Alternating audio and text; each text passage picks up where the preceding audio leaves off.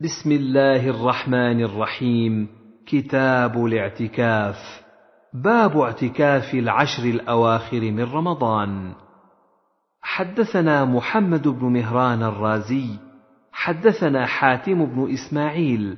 عن موسى بن عقبة عن نافع. عن ابن عمر رضي الله عنهما. أن النبي صلى الله عليه وسلم كان يعتكف في العشر الأواخر من رمضان. وحدثني أبو الطاهر أخبرنا ابن وهب أخبرني يونس بن يزيد أن نافعا حدثه عن عبد الله بن عمر رضي الله عنهما أن رسول الله صلى الله عليه وسلم كان يعتكف العشر الأواخر من رمضان. قال نافع وقد أراني عبد الله رضي الله عنه المكان الذي كان يعتكف فيه رسول الله صلى الله عليه وسلم من المسجد. وحدثنا سهل بن عثمان حدثنا عقبة بن خالد السكوني عن عبيد الله بن عمر عن عبد الرحمن بن القاسم عن أبيه عن عائشة رضي الله عنها قالت كان رسول الله صلى الله عليه وسلم يعتكف العشر الأواخر من رمضان. حدثنا يحيى بن يحيى أخبرنا أبو معاوية حا وحدثنا سهل بن عثمان أخبرنا حفص بن غياث جميعا عن هشام حا وحدثنا أبو بكر بن أبي شيبة وأبو كريب واللفظ لهما.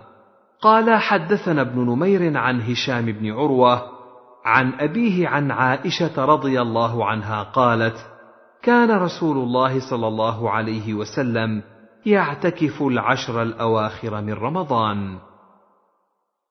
وحدثنا قتيبة بن سعيد حدثنا ليث عن عقيل عن الزهري عن عروة عن عائشة رضي الله عنها أن النبي صلى الله عليه وسلم كان يعتكف العشر الأواخر من رمضان حتى توفاه الله عز وجل ثم اعتكف أزواجه من بعده.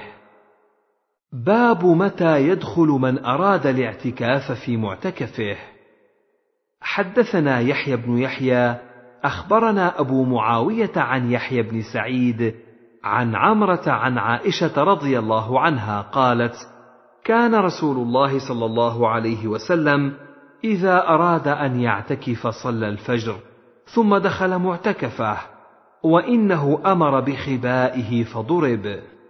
أراد الاعتكاف في العشر الأواخر من رمضان فأمرت زينب بخبائها فضرب وأمر غيرها من أزواج النبي صلى الله عليه وسلم بخبائه فضرب.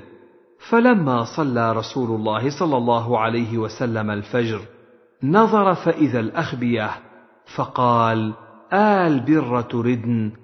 فأمر بخبائه فقوض وترك الاعتكاف في شهر رمضان حتى اعتكف في العشر الأول من شوال. وحدثناه ابن أبي عمر حدثنا سفيان حا وحدثني عمرو بن سواد أخبرنا ابن وهب أخبرنا عمرو بن الحارث حا وحدثني محمد بن رافع حدثنا أبو أحمد حدثنا سفيان حا وحدثني سلمة بن شبيب حدثنا أبو المغيرة حدثنا الأوزاعي حا وحدثني زهير بن حرب حدثنا يعقوب بن إبراهيم بن سعد حدثنا أبي عن ابن إسحاق كل هؤلاء عن يحيى بن سعيد عن عمرة عن عائشة رضي الله عنها عن النبي صلى الله عليه وسلم بمعنى حديث أبي معاوية. وفي حديث ابن عيينة وعمر بن الحارث وابن إسحاق ذكر عائشة وحفصة وزينب رضي الله عنهن أنهن ضربن الأخبية للاعتكاف. باب الاجتهاد في العشر الأواخر من شهر رمضان. حدثنا إسحاق بن إبراهيم الحنظلي وابن أبي عمر جميعا عن ابن عيينة. قال إسحاق أخبرنا سفيان بن عيينة عن أبي يعفور عن مسلم بن صبيح عن مسروق عن عائشة رضي الله عنها قالت كان رسول الله صلى الله عليه وسلم إذا دخل العشر أحيا الليل وأيقظ أهله وجد وشد المئزر. حدثنا قتيبة بن سعيد وأبو كامل الجحدري كلاهما عن عبد الواحد بن زياد. قال قتيبة حدثنا عبد الواحد عن الحسن بن عبيد الله. قال سمعت إبراهيم يقول سمعت الأسود بن يزيد يقول قالت عائشة رضي الله عنها كان رسول الله صلى الله عليه وسلم يجتهد في العشر الأواخر ما لا يجتهد في غيره. باب صوم عشر ذي الحجة. حدثنا أبو بكر بن أبي شيبة وأبو كريب وإسحاق. قال إسحاق أخبرنا وقال الآخران حدثنا أبو معاوية عن الأعمش عن إبراهيم عن الأسود عن عائشة رضي الله عنها قالت ما رأيت رسول الله صلى الله عليه وسلم صائما في العشر قط.